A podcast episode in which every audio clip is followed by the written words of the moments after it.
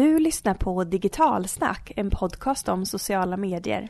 I det här avsnittet kommer vi berätta hur du lyckas på sociala medier 2019.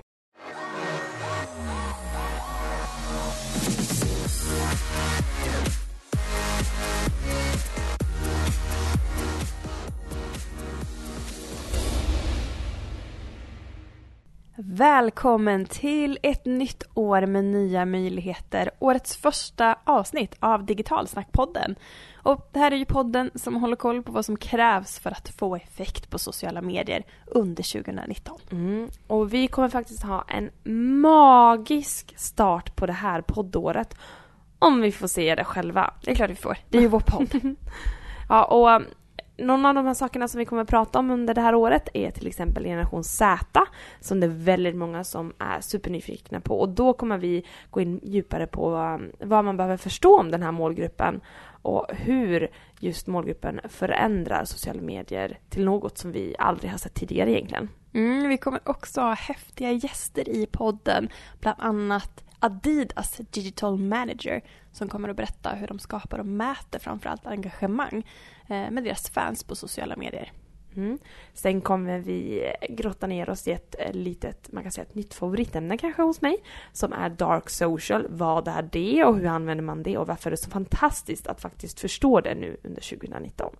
Mm, många bra ämnen och gäster som vi har framför oss. Mm. Och som alltid så behöver vi såklart mer tips och framförallt vad vill ni höra i den här podden? Eh, var med och styr och det är bara att skicka ett meddelande till oss på någon av sociala medierna eller vad det nu kan vara som ni använder. Och i den här podden så ska vi prata om vad som krävs för att lyckas på sociala medier 2019. Och det är en liten tradition vi haft sedan starten av podden. Att vi första avsnittet varje år handlar om hur man lyckas just under det här året. Vad behöver företaget tweaka om för att eftersom det förändras ju så otroligt mycket i mm. den här världen. Och på tal om förra året, vad sa vi egentligen? Vi sa ju eh. väldigt många saker. Bland annat så, så hade vi en riktigt stor förändring på gällande Facebook-algoritmen. Och vi tipsade en hel del på hur man skulle jobba med eh, den nya algoritmen. Bland annat att man skulle eh, lägga mer budget, man ska använda grupper mer och ha en kanon kickass liksom hemsida för någonstans är det ju ändå dit man ofta vill få besökarna och då bör man kamma hem det där. Sen att man skulle ha hög kvalitet och försöka få upp engagemang istället för bara satsa på vanliga likes utan liksom verkligen få upp engagemanget i inläggen. Vi borde sia framtiden lite mm. mer för det är exakt så här som jag pratat om och jobbat under det här året. Eh, och vi hade ju faktiskt redan rätt när vi, när vi nämnde om det här i januari 2018 vad som skulle krävas. Mm. Eh, och jag tror att väldigt få förstod hur hårt den här algoritmen faktiskt skulle, den här algoritmförändringen skulle slå mot företagssidor. Och några som verkligen fick känna av det här var ju Kit. Kommer ni, lyssna ihåg Kit? Alltså för mig var det, man fick så här gräva i hjärnan lite grann och leta fram. Men givetvis, det var ju det som alla hade koll på och alla försökte efterlikna de här eh, kvadratiska, coola, korta Kit-filmerna. Men det var ju ett begrepp. Det var ett tag sedan vi det såg liksom, dem. Har ja. du sett de här Kit-filmerna? Vi vill göra en Kit-film. Mm. Ja, men eh, det var ett tag sedan vi såg dem i våra flöden kan man säga. Mm, för de försvann ju sen. Och det, det fanns, det var någon som gjorde ett reportage om det, eller en artikel kring just det här med KIT-fenomenet, att det var precis överallt och sen kom algoritmförändringen och sen så var de ingenstans. Eh, och det, det är så det här livet är på digitala plattformar. Och det är också därför vi pratade mycket om ja, men förra året, just kopplingen till webbplatsen som inte har några algoritmer, för det är ju den ni äger själva. Eh, och att de här två måste jobba jobba tillsammans. Så att mm. man inte kanske bara skapar sin närvaro på Facebook till exempel. För att när algoritmen förändras så måste man en del förändra hela liksom, sin strategi och eh, sitt tänk kring plattformen. Eller så får man jobba liksom, i det här ekosystemet som vi också brukar prata om. Sen underlättar det ju också om man inte har en superfast strategi att man i något sätt har i arbetsprocessen verkligen ett system för att tackla snabba förändringar. För då hamnar man inte lika lätt i det här läget att man måste kasta om allt. Eh, för att en liten förändring skedde man inte var beredd på. Idag behöver man vara beredd på att förändringar kommer ske. Oftare än vad du egentligen vill. Mm. Andra saker som vi siade om för exakt ett år sedan var att vi pratade om Instagram stories. Och vi sa att det här borde företag satsa mer på under 2018. Och ja, vi vet ju nu att med facit i hand att man skapar mer innehåll eh, på Instagram stories än vad man gör i Instagramflödet. Eh, så denna del av Instagram har ju växt otroligt mycket. Mm, verkligen. Jag älskar stories själv. Sen hade vi ju lite saker vi sa om eh, själva den här barnet LinkedIn, eller vad man kan kalla det. Eh, att, jag tror du sa att man behövde sälja sin själ va? för att faktiskt lyckas på LinkedIn. Japp, jag är helt ansvarig för den. Och det är inte så mycket som har förändrats på ett år kring just LinkedIn. LinkedIn är en helt fantastisk kanal som man kan få otroligt mycket liksom, synlighet för eh, väldigt liten effort. Om man bara vet hur man ja, men kittlar algoritmerna och vet hur man skapar de där inläggen. Eh, men jag skulle också säga att det, det, är den kanalen som idag känns minst genuin. Um, och kontaktförfrågningar och meddelanden blir liksom mer sälja för varje sekund. Alla är där för att mm. sälja någonting och frågan är om någon är där och köper. Um, man måste ju tröttna på om, om det enda man ser överallt i både meddelanden och flödet är bara sälj, sälj, sälj. Uh, det är ju en risk också att folk börjar dra sig ur plattformen. Man är ganska självupptagen där. Mm, och jag sa ju också att man var tvungen att ha en uteslutande och övernaturlig kärlek till det här sociala nätverk för att liksom överleva där på längre sikt. Eh, och jag tycker nog inte att det förändrats. Nej. Vi kommer ju prata mer om LinkedIn 2019 lite längre fram i podden. Men det är ju, ja men i slutändan är det fortfarande en väldigt, väldigt kraftig kanal och jobbar man på rätt sätt så kan man få så mycket ut av den kanalen. Utan tvekan. Mm. Sen gissade vi ju att, eller att årets vinnare bland annat skulle bli LinkedIn och Instagram. Instagram kändes ju väldigt rätt. Mm. De har ju utvecklats på ett helt fantastiskt sätt. Eh, LinkedIn däremot känns som att den pikade lite i halvtid. Folk var svinpepp och nu i slutet av, eller i slutet av 2018 kändes det som att det vände neråt igen. Man tappade egentligen syftet med kanalen. Man hamnade i lite det här sälj jag känner att LinkedIn, eh, nu är de kanske den utmaningen som Facebook hade, eller har haft, men som man börjar tackla nu. Så att de ligger lite efter, men i samma utvecklingsspår känns det som. Mm, det ska bli spännande. Vi ska fortsätta sia om framtiden, vilka saker som ni företag behöver att blicka in på under det här året och vad ni behöver satsa lite extra på. Så följ med!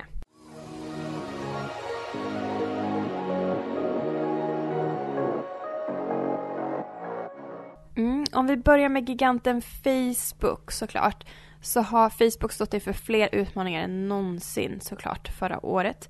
Frågan är ju om Facebook, det är lite som en katt med nio liv. eh, den liksom, Vilken bra liknelse. Ja men den trillar och så lever den och så. Men frågan är om den inte har fått ordentligt med stryk under förra året. Ja, det har ju skett jättestora förändringar under 2018 och Framförallt så är det ju fler och fler som väljer att sluta vara aktiva i flödet och inte kanske vara aktiva utan även går så pass långt att de slutar följa flödet, att de inte ska in och kolla på vad alla andra eh, gör.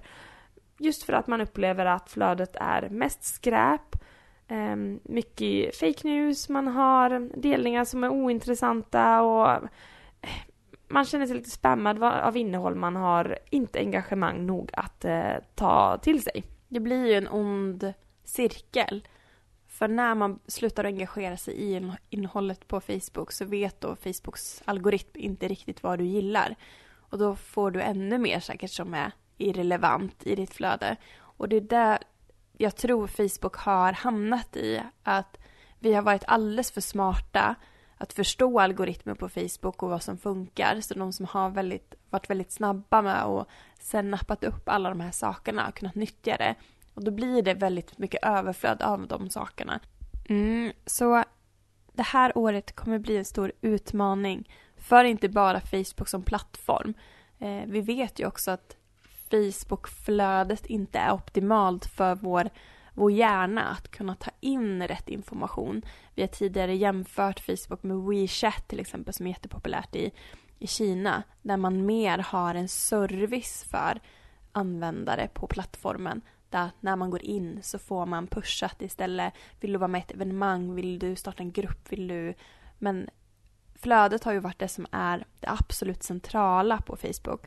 Och tittar vi på 2019 och vi ser också att det är så många som inte aktiva i flödet och inte tittar på flödet. Så för att lyckas på Facebook under det här året så behöver man tänka helt och hållet tvärtom än vad vi idag ser på Facebook som företag.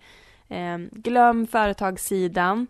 Eh, nu gäller det att liksom engagera sig i grupper och skapa delbart innehåll för Dark mm. Social. Och det är jättestor skillnad från hur vi har tänkt och jobbat med Facebook innan. Företag kan verkligen inte förlita sig på att få spridning på vanligt öppet innehåll mer på Facebook utan det är stängda grupper som gäller och vi har ju eh, Messenger som är chattversionen för eh, Facebook och eh, andra typer av trådar man kan vara mer aktiv i. Och det kräver ett annat tänk att jobba med dem.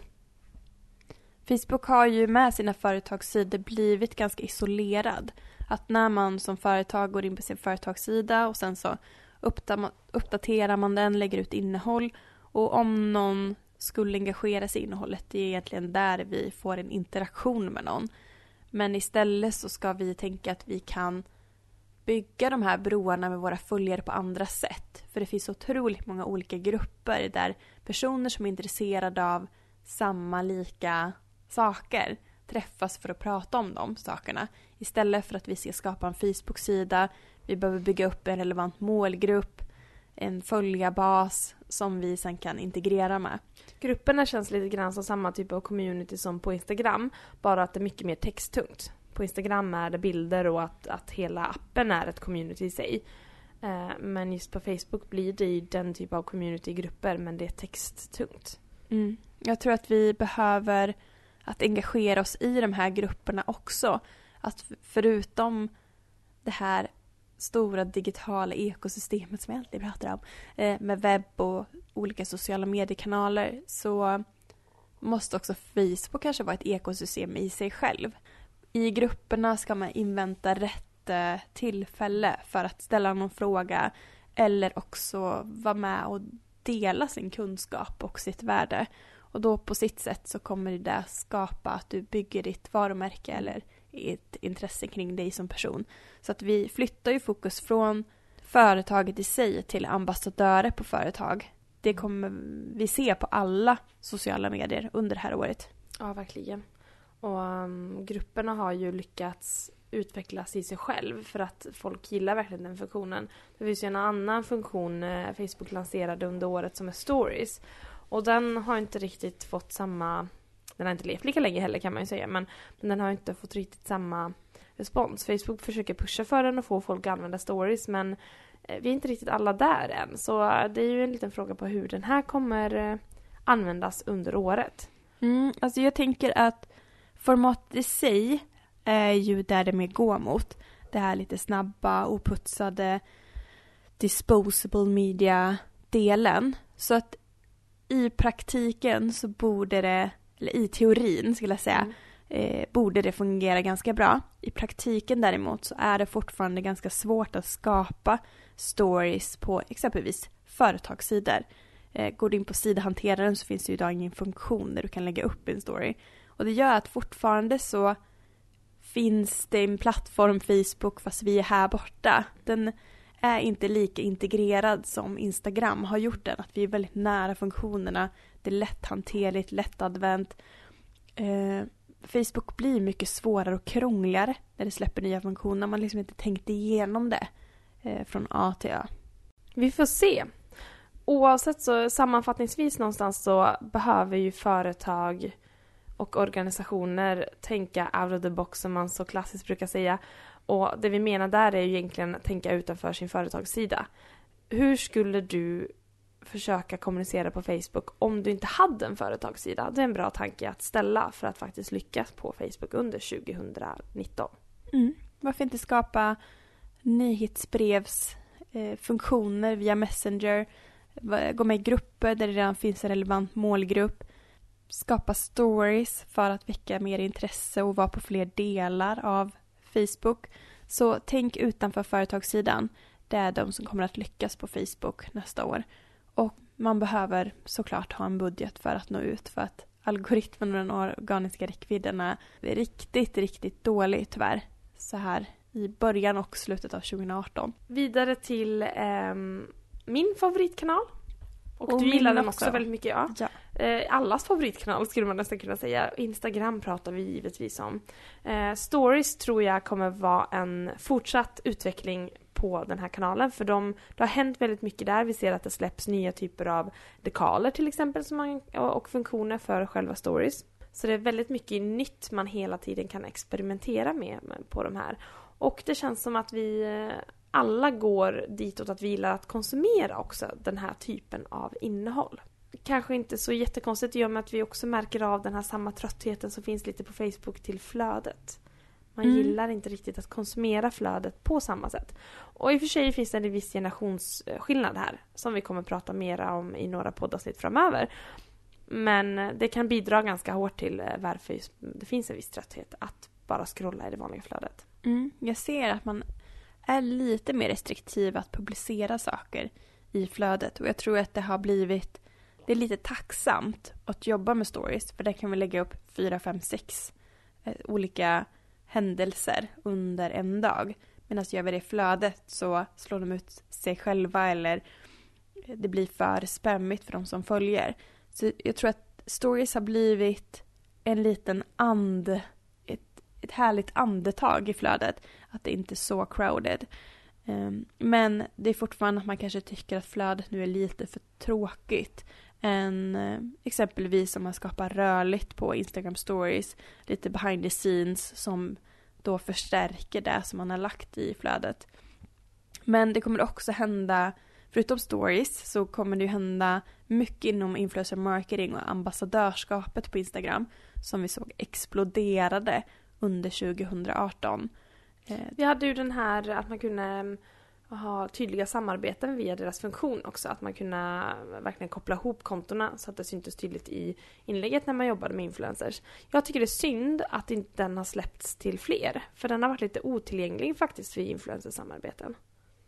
För det är ju något jag hoppas i och med att just influencerskap eh, kommer öka. Att vi alla företag får möjlighet att använda den här typen av funktion. Mm, definitivt. Men det är ju en funktion som finns på Instagram. Vi företagare kan ju också göra vår del faktiskt för att få lyckade samarbeten. Så det är bara en liten detalj man kan använda. Och en grej eh, som vi företag och organisationer behöver bli bättre på under 2019 det är att ställa rätt typ av krav till influencers. Och det ena är att, att ställa rätt typ av krav när det kommer till vad man vill få ut av eh, sin, eh, sitt samarbete. Det andra är att inte ställa för hårda krav, så de motsäger sig lite grann. Men vad jag menar med för hårda krav är ju att man måste ge influensen sin eh, tillåtelse att vara kreativ.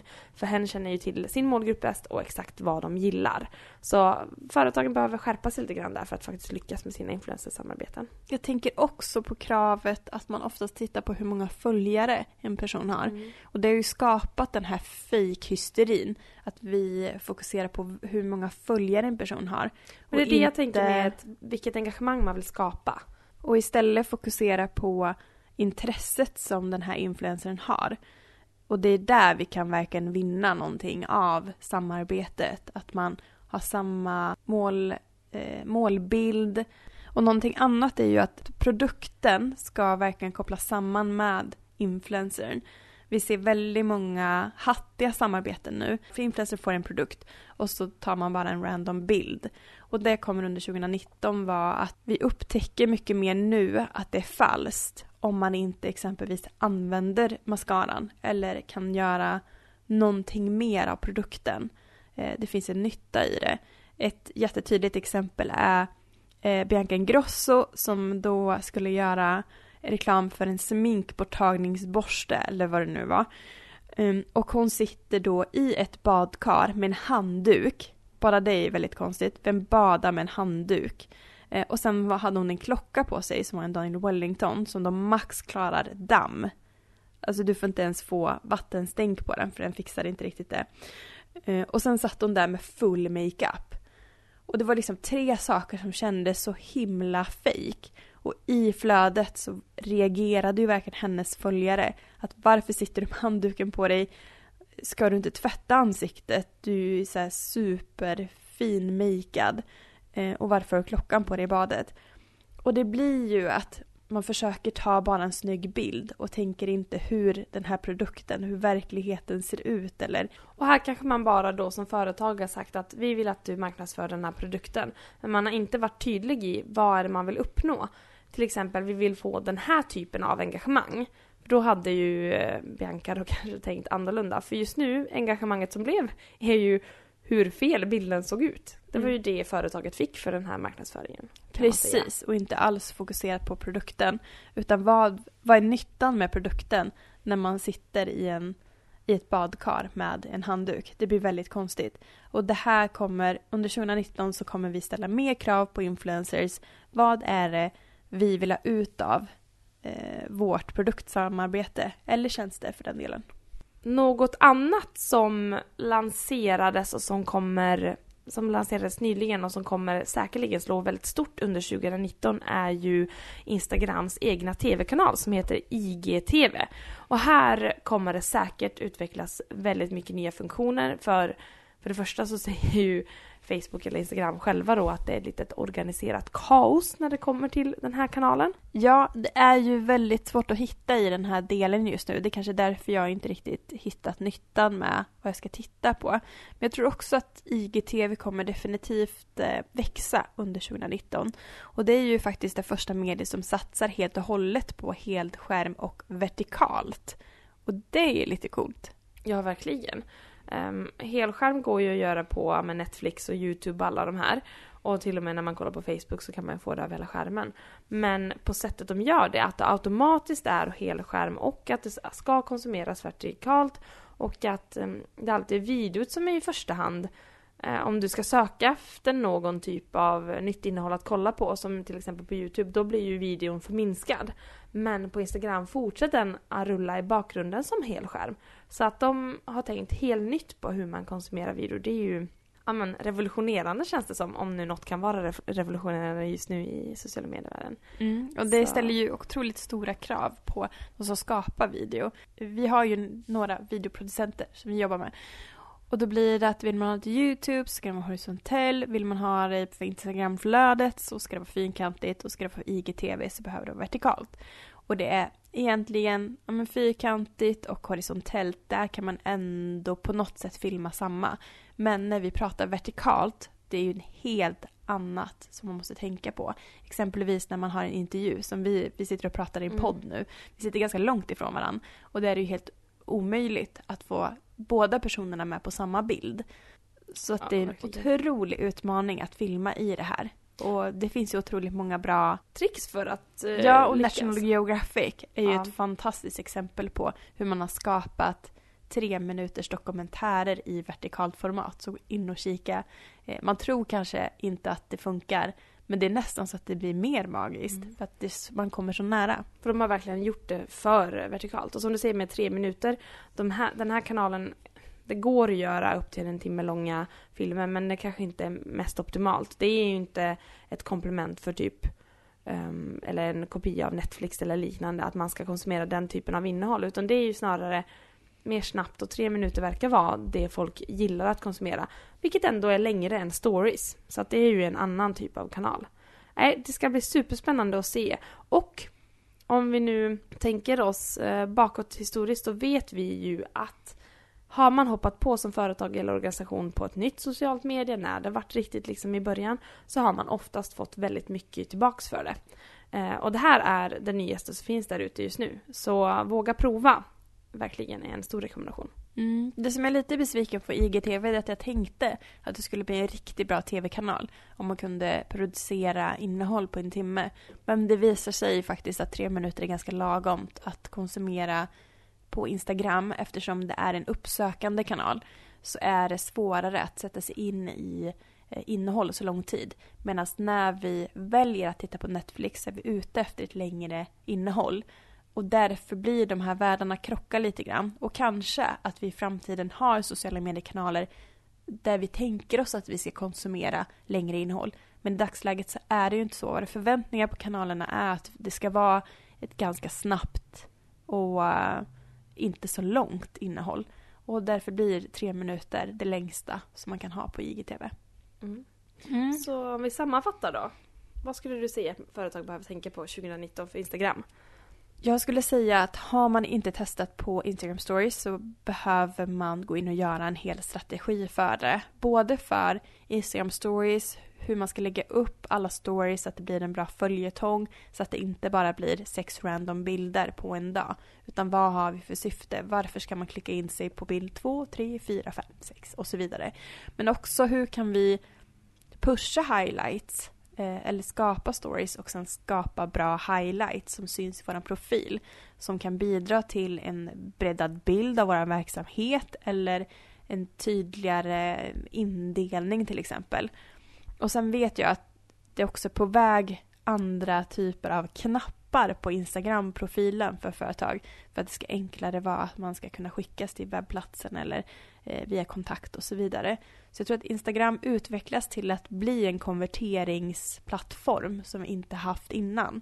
Så jag tror att under 2019 så kommer vi se att konverteringarna kommer att öka från Instagram. Eh, de flesta säger ju att, de, att det inte går att mäta konverteringar från Instagram. Den Och- har jag aldrig fattat för jag mäter konverteringar från Instagram så jag vet inte hur de jobbar som säger så men ja. Mm, exakt. Så att den tror jag definitivt att man kunde se en, en stor skillnad under det här året. Att vi kommer att få mer trafik från Instagram. Ja och ett tillslag då för IGTV. Som vi sa, man ska hoppa på nya grejer när det kommer för då kan man få så mycket utav det. Och i och med att det är ett organiserat kaos så våga testa. Sätt inte så mycket gränser på att det behöver vara perfekt utan kör verkligen. Men ett tips där när ni ändå testar är ju att ni måste ju få följare att hitta er. Så använd till exempel flödet i Instagram där ni säger hej, nu har vi en IGTV-kanal där vi pratar om det här och det här och det här så att även era följare hittar dit. Så det är tipset för IGTV. Mm. Och vi har också sett att företagssidor på Instagram sjunker i engagemang. Tittar vi på Nelly.com till exempel så skapar det inte alls lika mycket engagemang som för ett och ett halvt, två år sedan. Däremot har de ambassadörer istället som skapar extremt mycket engagemang i sina kanaler. Så att vi går även där mot ett större ambassadörskap. Och att man måste tänka som företagare att hur kan vi knyta oss an profiler som matchar vårt varumärke och vårt företag och vår liksom, ideologi eh, som kan förstärka vårt ansikte utåt och jobba tajt med dem. Och det behöver inte vara gigantiska stora influencers för då blir det en badkarsbild med handduken på. Utan hur kan vi skapa nytta med varann? Så man behöver räcka ut en hand under 2019 i, på Instagram. Och en del av det här engagemanget har också gått över till dark social och det spiller över både från influencers men också företagssidorna. Så har man inte koll på sin dark social ehm, så blir det lätt också att missförstå det som att man faktiskt tappat engagemang. Men det har blivit en annan typ av engagemang på andra ställen. Precis som du säger. Sen har vi LinkedIn, denna kanal som vi avskyr att vi faktiskt gillar. Jag tog på mig en slips nu, lite så här. Ja, precis. Sträckte Lite- lite extra ja. på oss. Exakt. Eh, och Jag trodde nog att LinkedIn skulle stå starkare 2018.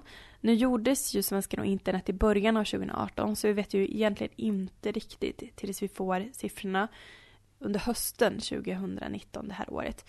Eh, Men jag tror faktiskt att guldåldern är lite över på LinkedIn. Den var snabb. För jag ser en extrem för, försämring av räckvidden redan nu. Eh, tittar jag tillbaks när vi gjorde förra avsnittet för ett år sedan såg jag att eh, jag hade räknat upp eh, att jag hade gjort ett inlägg som hade 40 likes och typ 12 kommentarer som nådde 7000 pers. Eh, och tittar jag idag så kan jag ha 100 likes och 40 kommentarer och når inte de siffrorna. Så att jag ser att algoritmen kopplat till att vi har fått otroligt mycket mer innehåll och att folk förstår exakt hur man ska skapa inlägg på LinkedIn gör att den här guldåldern nu är inne i en liten brant backe. Att det kommer vara svårare att nå ut på LinkedIn. Mm. Och så finns det också en risk att man kommer börja tröttna lite på kanalen för att det finns en liten tonalitet där som är väldigt tydlig om man går in. Och det är den här superpeppade tonen som finns överallt. Eh, jag tror att skulle generation Z hänga på LinkedIn så hade deras bullshit detektor bara lyst Wah, rött. Bara, wah. ja, precis. Eh, Men det börjar bli så pass mycket att till och med vi andra kanske reagerar och så finns det risk att man kommer att tröttna på den precis som man faktiskt eh, gjorde tidigare på Twitter när en sån tonalitet även fanns där. Det är så roligt, det är många som går nu in på Twitter för att andas och prata om hur jobbigt det är att vara på LinkedIn. Eh, så den kopplingen är lite rolig. Ja, faktiskt.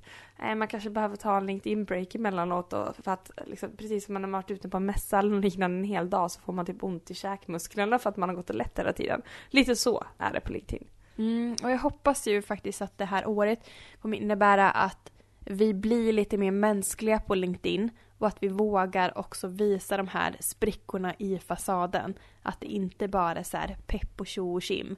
Eh, för någonstans ska det vara kopplat till vad får vi ut av den här kanalen? För nu vet vi hur vi skapar engagemang och synlighet. Okej, hur tar vi det vidare? Alla kanske inte är där för att sälja någonting utan man kanske vill bygga nätverk eh, och knyta an till intressanta personer eller eh, få riktigt intressant innehåll. Och även om man är ute för att sälja någonting så hur kan, man måste ju också kamma hem det. Mm. Det räcker ju inte bara att skapa synligheten utan vad gör du med allt engagemang du får där? Det är precis som på ja, men Facebook kanske att man behöver få in konverteringarna på webben. Du behöver ju få någon typ av konvertering på LinkedIn också så allt engagemang kan inte bara läggas på att göra engagerande innehåll. Precis. Det kan inte bara vara ett eh, social media där vi går, går dit för att må lite bättre som företagare. Utan vår tid som vi har där måste faktiskt ge någonting. Ehm, och i dagsläget så finns det lite olika världar kring LinkedIn. De som är superpepp på LinkedIn och de som försöker hitta en väg där för att hitta nya kontakter och faktiskt bygga ett genuint nätverk. Och kanske inte behöver och synas lika mycket. Så ja, det är ganska spännande med LinkedIn. Som också, som oftast tyvärr, ligger ju steget efter om vi Mm. pratar an, om andra sociala medier, framförallt Facebook som den försöker att lite efterlikna. Eh, och under det här året så kommer äntligen LinkedIn göra det lite lättare för de som har en företagsprofil på LinkedIn som nästan har glömts bort. De uppdaterades ju så att de är lite fräschare under 2018. Eh, Men nu ska man kunna då administrera de här företagssidorna från mobilen. Wow! Hurra! Och tänker man hur Det här var revolutionerande för LinkedIn.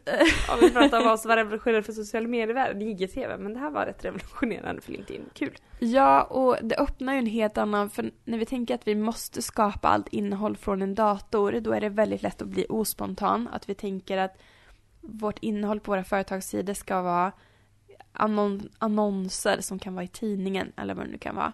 Men det här öppnar upp att vi kan vara lite mer spontana, vi kan ta en bild på inom vår organisation eller en person direkt i mobilen och lägga upp lite mer levande. På tal om spontanitet så ryktas det ju också om att LinkedIn ska ju släppa stories på LinkedIn.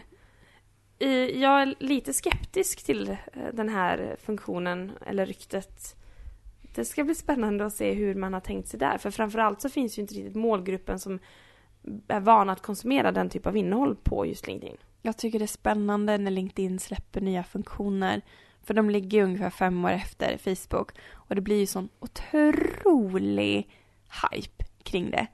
Eh, lite som när frågor kom till Instagram story som släpptes under kanelbullens dag. Och alla så här, hur många kanelbullar har du ätit? Och så var det typ, ja, 20 000 sådana frågor. Och när LinkedIn lanserade sin videofunktion. Jag har aldrig sett så många video, selfies, pratande företagare i ett och samma flöde. Utan text dessutom. Och jag har aldrig ljudet på. Det skulle vara jättehemskt att höra hela tiden. Men he- alltså hela flödet var verkligen fullt i personer som filmade sig själv när man pratade. Jag såg ett roligt klipp häromdagen um, som var ett finskt från en finsk matvarukedja. Och ja, det känns som att de tog lite mer Facebook-touch på det. Men personalen hade klätt ut sig till typ lite tomtenissar eller så och så körde de till någon technomusik. Lite som Gangnam style, alltså den typen av av dans i olika avdelningar av den här matvarubutiken. Poängen med hela det här var att det, det behöver inte vara så seriöst. Och jag tänker att det kanske var en liten rolig film för att rekrytera det är kanske roligt att jobba på den här matvarubutiken för att den är inte är lika tråkig som alla andra och så. Så det tyckte jag var ett, ett av undantagen jag sett i mitt flöde som inte har gått ut på de här som bara pratar och visar sina faces. ja, den känns ju som ett litet upplyft kan man säga. Men det finns också mycket LinkedIn-poliser som berättar hur och vad man får lägga upp i det här flödet. Och jag har inte sett något annat social media där man har personer som säger åt andra vad man ska lägga upp och vad man inte får lägga upp. Jag tycker det är jätteintressant. Eh, det blir nästan som en, ja. Och på tal om film så kanske man äntligen under 2019, vi håller Eh, tummar och tår, att man kan ladda upp en fullstor film på företagssidan på LinkedIn. I dagsläget så får den vara så pytteliten så att den blir så dålig kvalitet så att det inte går. Och då måste man dela en länk från YouTube och det, det blir inte alls bra. Så jag eftersöker att företagssidorna kommer att utvecklas lite 2.0 nu med mer rörligt och även mer mobilt. Ja, håller med. Behöver verkligen gå ditåt. Ehm, vi har ju också evenemang som LinkedIn själva har flaggat för att kommer dyka upp. Och den tror jag är, eh, skulle kunna vara också väldigt användbar. Eftersom det finns faktiskt en hel del företagsevenemang och man skulle kunna flytta dem från Facebook till LinkedIn istället. Evenemang tror jag generellt sett skulle fungera jättebra. Det är ju en av de mest uppskattade sakerna på Facebook. Men jag tror kanske att vi inte kan, kommer att kunna hantera det på direkten på LinkedIn. Lite som på Facebook i början. När det var ett evenemang så bjöd man in alla sina vänner. Man hade ingen fingertoppskänsla mm. riktigt att den här personen skulle passa att gå på det här minglet eller den här. Eh, vilket Dark Social går ju ut på idag. Att vi mer tipsar eh, tydliga inriktningar till personer. Att det här är så relevant för den här personen. Då skickar det till bara den personen. Att vi skräddarsyr all kommunikation nu. Medan evenemangsfunktionen och tänk dig på LinkedIn när du inte riktigt vet vilka alla i ditt kontaktnät vad de gör eller vad de är intresserade av. På Facebook har vi ändå något hum om eh, vad folk gillar eller vad de jobbar med. Jag är rätt noga med att ska bjuda in till evenemang så mm. scrollar jag listan och så funderar jag, för jag vill absolut inte verka spammig där. Mm. Att folk känner bara shit, där kommer Jenny med sina jobbgrejer, jag är jätteointresserad av det här. Så jag väljer noga ut om jag eh, bjuder in till något som har med oss till exempel att göra. Precis. Och när, man, när jag säger till dig, kan du bjuda in de som är relevanta till det här evenemanget, så lägger man ju till det, mm. relevanta ja. i sammanhanget. För att man vill ju inte ha personer som inte är intresserade av temat heller. Men återigen, på LinkedIn, du vet ju inte vilka alla personer mm. är som du har i ditt kontaktnät. Hur kan du då bjuda in? Sen vet inte vi om den här funktionen kommer. Att mm. man ska kunna bjuda in folk till evenemanget. Det kanske bara är mer en så här det är, det är ett evenemang. Har Kommentera. Ett, ja, precis. Ja, precis. Så att eh, jättespännande funktionen då. Eh, Verkligen. tycker jag. Och för att lyckas då 2019 så känns det som att man behöver ta hem också affären kring LinkedIn. Det gäller inte bara att skapa engagemang i innehåll utan man måste ha ett syfte med sin närvaro på LinkedIn och jobba även på andra delar av plattformen, eller hur? Mm definitivt komma med liksom djupare inspel. För väldigt många, vi har ju fortfarande annonsörerna kvar. De som bara lägger upp poster när de vill att folk ska utföra eller göra någonting. Kom till oss. Eh, på fredag ska vi. Eh, och egentligen inte bidra med någon nytta till själva flödet. Eh, men det måste också komma något djupare i den här LinkedIn-närvaron som inte bara är liksom gröna skogar och peppande och sjungande fåglar. Ja. Och det är ju för att lyckas med det behöver man nog ha en tydlig strategi. Eh, där man har tanket med sitt mål, mål och syfte och också vad man klarar av att ta hand om efter att man publicerat ett innehåll. Vad ska man göra med alla kommentarer och och sen fortsätta vara genuin. Så även om man har som mål att sälja någonting så kan man göra det på ett väldigt bra sätt. Om man tänker en riktigt träffsäker och bra säljare går ju inte direkt på skott direkt utan den sitter ju och pratar med dig och ställer rätt frågor så att de förstår ditt behov. Då man sen säger okej okay, det här kan vi matcha på något sätt det vi erbjuder. Man måste vara genuin för att lyckas på LinkedIn. Att jag ärligt kommenterar ditt inlägg för att jag faktiskt tyckte det var väldigt bra eller att det berörde mig på något sätt Eh, och att jag kommer ihåg en bra, bra idé eller vad det nu kan vara. Och inte bara för att peppa för att du blev taggad i eh, ett inlägg. Så den, den skillnaden hoppas jag eh, att vi kommer att märka under det här året. Mer genuin, genuinitet på LinkedIn. Det finns ju ett socialt media som inte har hängt med på svenskarna och internet ett tag men som faktiskt många svenskar använder och använder på ett väldigt bra sätt för oss företagare kan man säga och jag pratar om Pinterest. Mm. Det är faktiskt väldigt spännande att Pinterest nästan är lika stort som Twitter i Sverige. Fast man har valt att hela tiden ha med och utvärdera och mäta Twitter men aldrig Pinterest. Det tycker jag är väldigt intressant. Och det är en väldigt spe specifik plattform som också skiljer sig ganska mycket där de andra sociala medierna är vi mer dagligen. LinkedIn kanske lite mer sällan som ett mer business-nätverk där vi är kanske 8 till 4 måndag till fredag. Um, kanske inte efter 12 på fredagar. Då har vi då har man loggat ut från LinkedIn Man kanske. blir lite förvånad när man får meddelanden ibland fredag kväll eh, på LinkedIn och man bara uh, Har du ett liv? Eller ja. att man sitter och uh, raggar. Nej, jag vet inte vad folk gör på LinkedIn på fredag kväll. Ja. Uh, just don't. men Pinterest, där kan man vara på fredag kväll. Oh ja! Och hela lördagen och hela söndagen och framförallt om man har någonting framför sig man håller på att planera för då är man där ganska intensivt under en viss period. Eh, just nu håller jag på att renovera ett badrum hemma, lite lätt bara sådär. Fick för mig en fredagkväll. Eh, tack vare Pinterest för att jag hittade en jättefin bild på hur jag vill att badrummet skulle vara. Du skulle aldrig ha fått eh, influencer på LinkedIn om du hade hängt där på fredagskvällen. Ja, nej, nej verkligen inte. Så, och då går jag givetvis in där och letar upp um, vilken väggfärg jag ska ha, uh, vilken typ av möbler jag ska ha, vad är det jag behöver köpa för att ha mitt fina badrum. Och finns man där som företag då i de här olika nischade områdena, det kan vara allt från bröllop till resor till renovering eller vad det nu kan vara, uh, så har man potentiella kunder som söker efter uh, inspiration. Och det är ju precis som på Twitter så kan man ju likna Pinterest med att det är väldigt specifika grupper, precis som du är inne på. Eh, man har ju, man planerar någonting, man renoverar, man planerar ett bröllop, en fest, eh, en resa, eh, matrecept. Ja, det använder jag också väldigt ofta. Mm. Just för att man, jag gillar att bildsöka mat för man vill se i dagsläget att man äter mer än bara munnen utan man, man äter med ögonen också. Och Google, visst man kan köra bildsök men på Pinterest har man alltid en länk vidare till receptet. Vilket är så fantastiskt. Och det är ju det som är det häftiga med Pinterest, att vi letar en gigantisk bildbank. Där lägger vi ju inte in så himla många egna bilder, utan vi söker i redan befintlig bildbank där jag skulle säga 80-90% är från något typ av företag. Sen när man hittat sin så pinnar man och lägger in en anslagstavla. Eller om man tycker det är så pass intressant som man vill läsa vidare. Och det kan det vara eh, tio resor inom på, i södra Sverige som du inte får missa. Eh, fantastiska artiklar som är så relevanta och så kan man spara de här bilderna. Så Pinterest är ju en, en favorit, skulle jag säga, eh, som få har upptäckt en nytta med. Ja, jag tycker det är lite coolt att jag har eh, runt omkring mig sett fler och fler män som också använder Pinterest. För det är ju ändå det är en kanal som det är framförallt kvinnor som är inne och använder. Men att användningen har ökat eh, bland eh, män.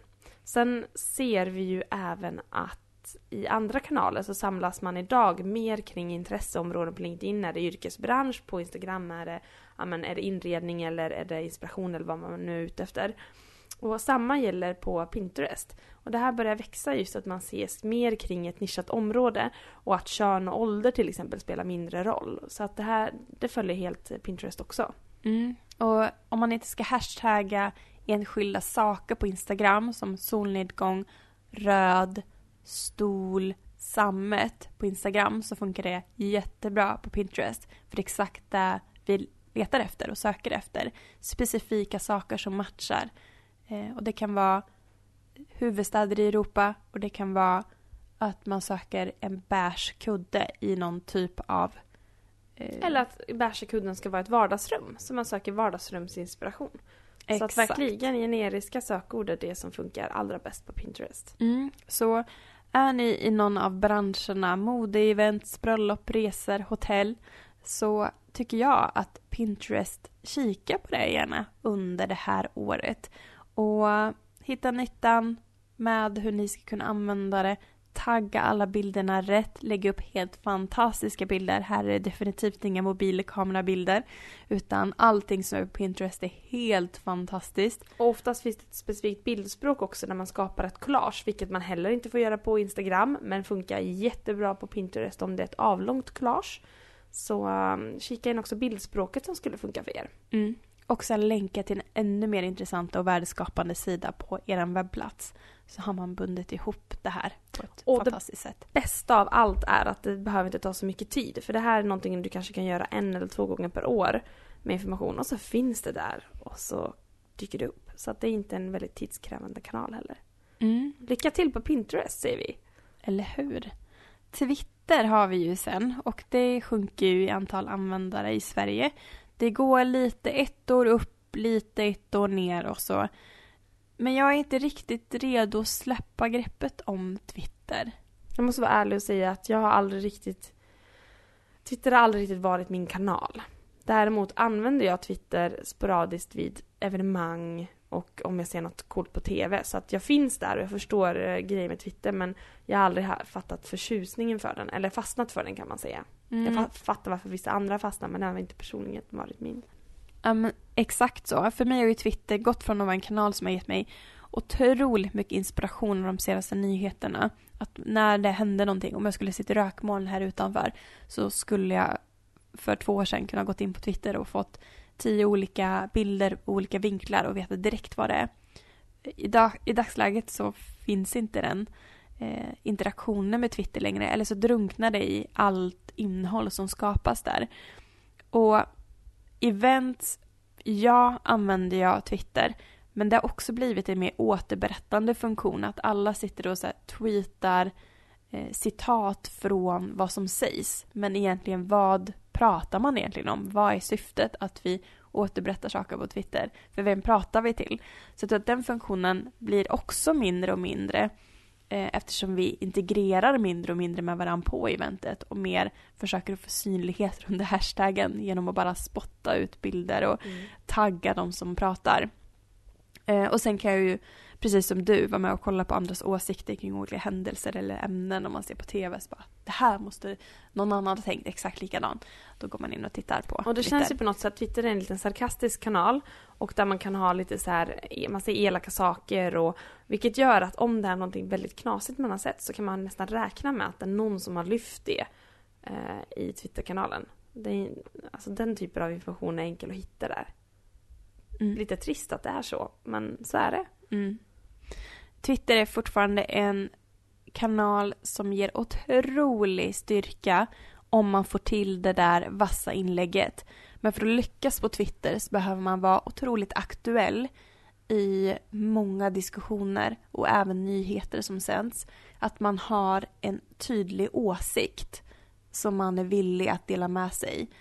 Man, har man också lite träffsäkerhet i sin copy, alltså i sin text eh, och lite glimten i ögat så är man perfekt för Twitter. Har man dock inte de här sakerna så är det väldigt, väldigt svårt att få till någon, eh, någon viral succé på Twitter om man då inte är en kändis som kommenterar sitt redan inspelade dokusåpa live som sen sprids på alla som sprids eh, via liksom andra sociala medier. Då tänker jag typ på Kardashian som sitter och då live-tweetar sitt program som var inspelat för sex månader sedan och så blir det världens virala succé. Så ja, Twitter är väldigt specifik i olika personer och kategorier hur man kan nyttja det till bästa sätt. Det känns som att det receptet kommer vissa ha lite svårt att lyckas med, men det är sammanfattningsvis vad man ska göra för att faktiskt lyckas på Twitter. Mm. Och det är återigen, Twitter är ju, kan vara en del av allting annat man gör. Eh, Men det är också ett stort ambassadörskap. Där är ju företag så otroligt ointressanta. Så där behöver man vara som person och ha väldigt starka åsikter för att faktiskt nå ut på något sätt. Ta en kamp. Vidare till någonting lite mer kreativt och roligt. Din favoritkanal? Woho! Snapchat! De hade lite tufft i fjol. Mm.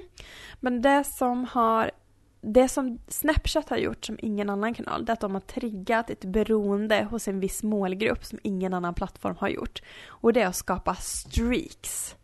Under vår senaste eh, poddinspelning så kollade jag ju upp hur många streaks jag hade med min man. Och vi har den fortfarande, så it's addictive. Och jag kan säga att min man har blivit, han har aldrig använt, han, ja den han snappar till, men han har blivit så mycket bättre på att skapa snaps. Nu ligger vi på 38. Snyggt. Så, jag har två streaks igång, en på 16 och en på 24. Bra jobbat. Mm. Jag vet att det är väldigt lågt jämfört med de som sitter på så 300, 700 men, men jag är imponerad över min streak. Och men det har ingen annan lyckats med. kanske vi ska förklara vad det är för vi har också nämnt det i tidigare poddar. Och en streak på Snapchat det är när jag skickar en bild till exempelvis Jenny och Jenny skickar en bild till mig tillbaks. Alltså svarar tillbaks med en bild. Och vi gör det flera dagar i sträck. Då får man en liten eldflamma som räknar ut hur många dagar i rad som då Jenny och jag skickar bilder till varandra eller svarar, svarar varandra via bilder. Så att man chattar räknas inte utan man måste skicka en bild. Och det här kidsen gör mm. när de då bara fotar typ sitt byxben och skickar för att de ska hålla igång streaken. Det ska inte dö ut. Och någonstans tror jag att det finns, eh, vad är äkta vänskap? Fortsätter man hålla upp en streak fast man är ovänner för tillfället, då har man hittat en äkta vän tänker jag. Mm. Och Snapchat för kidsen idag, det är luft. De kan inte vara utan det. Eh, skulle de förlora mobilen så är det absolut första de loggar in på. Det är liksom deras liv. Försvinner Snapchat, försvinner livet. Och de har skapat den här det här beroendet, inte bara via streaks men just att det känns genuint äkta mm. och att man hela tiden har en kontakt. Och för mig har Snapchat också varit ett sätt att kunna prata med min pappa till exempel. Min pappa är ju vad är han, Det är 66. imponerande att han är aktiv på Snapchat. Ja, ja, men jag kan ju skicka snaps när jag är ute och jobbar och han har en större förståelse vart jag är och, eh, och även ja, men min man och eh, min brorsa, vi kan visa vart vi är. Eh, och det blir att man kan ta del av varandras liv på ett annat sätt. Det behöver inte alls vara putsat eller eh, någonting. Utan vi pratar dagligen via Snapchat. Jag har hört också föräldrar som använder Snapchat eh, för att berätta att nu är maten klar. För mm. att det hörs det inte annars sättet. i rummet. Det enda sättet att få dem att komma och äta. Exakt. Så, så de är beroende verkligen kidsen av, av Snapchat. Men företag då? Hur, hur kan man platsa i den här världen där, där det egentligen handlar om så genuint och privat? Att man pratar bara relationer emellan och lyckas på mm. en sån kanal. Problemet med Snapchat som plattform är ju att de har en sån ung målgrupp. Alltså tittar vi på Facebook och Instagram så har de en mycket högre målgrupp men också företagare som Eh, man har delat in det, att det är en tydlig bas. Här får företagare ha sin plattform. Och det gör också att de kan investera pengar i plattformen. Men när vi pratar om 12-åringar så har de inga cash. och då blir det också svårt att få en lönsamhet på en plattform där man har då kunder som inte kan betala. Så att det krävs egentligen för Snapchat att locka företag, varumärken eller kanske mediehus att investera i plattformen som riktar sig just till den här målgruppen. Eh, och det kan man göra lite på olika sätt men det blir framför allt att man måste skapa, återigen, ambassadörer som är i den här målgruppen. Eh, för om du som förälder inte kan prata med dina barn idag och måste snapchatta när maten är färdig, då finns det inte chans i världen att du skulle kunna starta en kanal som företag eller varumärke eller vad det kan vara, nyhetskanal ja, men, och kunna prata direkt till målgruppen. Däremot den typ av organisation som public service till exempel, som har ett syfte att kanske utbilda eller komma ut med information även till en yngre målgrupp oavsett om man inte tjänar pengar tillbaks på det. Då är det ju egentligen en fantastisk kanal. Och vi träffade ju på Ille som just hade anlitat ett eh, yngre barn. Jag tror hon var 12 eller 13 eller 14, något sånt. Och hon läste upp nyheter för barn. Och det var ju verkligen ett sätt att eh, nå en yngre målgrupp med ett annat syfte. Så det är ju inte alltid... Alltså företag kanske har svårare att hitta det, men den här typen av organisationer eh, kanske det kan vara värt att testa på. Och man behöver verkligen tänka på ett helt annat sätt. Tar vi ICA exempelvis så jobbar de med otroligt många olika plattformar. De har ju den här Eh, fantastiska reklamfilmen som går, de har gått i över tio år nu på tvn. Det, det har de det konceptet. Tittar vi på Instagram så har de sjukt snygga recept som man bara vill spara och göra. Det är lockande för ögat direkt och sen vill man mm. se mer och läsa mer kring receptet. Och sen har man ICA Student på Snapchat. Där man då har en student som berättar om billiga alternativ på maträtter. Och sen kopplar man det samman med rabatter i en ICA-butik. Vilket gör att kretsloppet går ju igen. Det har samma syfte att man ska handla i ICA-butiken. Man lockar också med rabatter precis som man gör på alla andra plattformar. Men det blir ett smart sätt att det blir målgruppen som pratar till målgruppen på ett sätt där man förstår behovet. Att studenter har inga pengar, och här gör du billig mat. Och det de har gjort bra innan det är ju att de har en tydlig eh, segmentering på sina kunder också. För där ser vi ju, och vi möter nästan dagligen också företag som är väldigt rädda för att bli för specifik i olika kanaler för man är rädd att man exkluderar. Men ICA gör ett fantastiskt jobb här där de pratar i olika kanaler till olika målgrupper på målgruppens sätt. Och då får man resultat. Då når man alla. Mm. Och jag tänker också på olika festivaler där det är många unga som är närvarande. Eh, att kunna guida dem i festivalområdet på ett sätt eh, som, som de är vana vid. Och inte kanske att de går in på Facebook-sidan eller webben för att läsa kring artisterna. Utan att man gör ett mer interaktivt arbete med Snapchat. Och det kan ju vara ett konto som bara lever en stund också. Men man behöver bygga den här relationen på ett helt annat sätt på Snapchat. Och den är unik. Får man till den, ja, där man ju BFFs forever.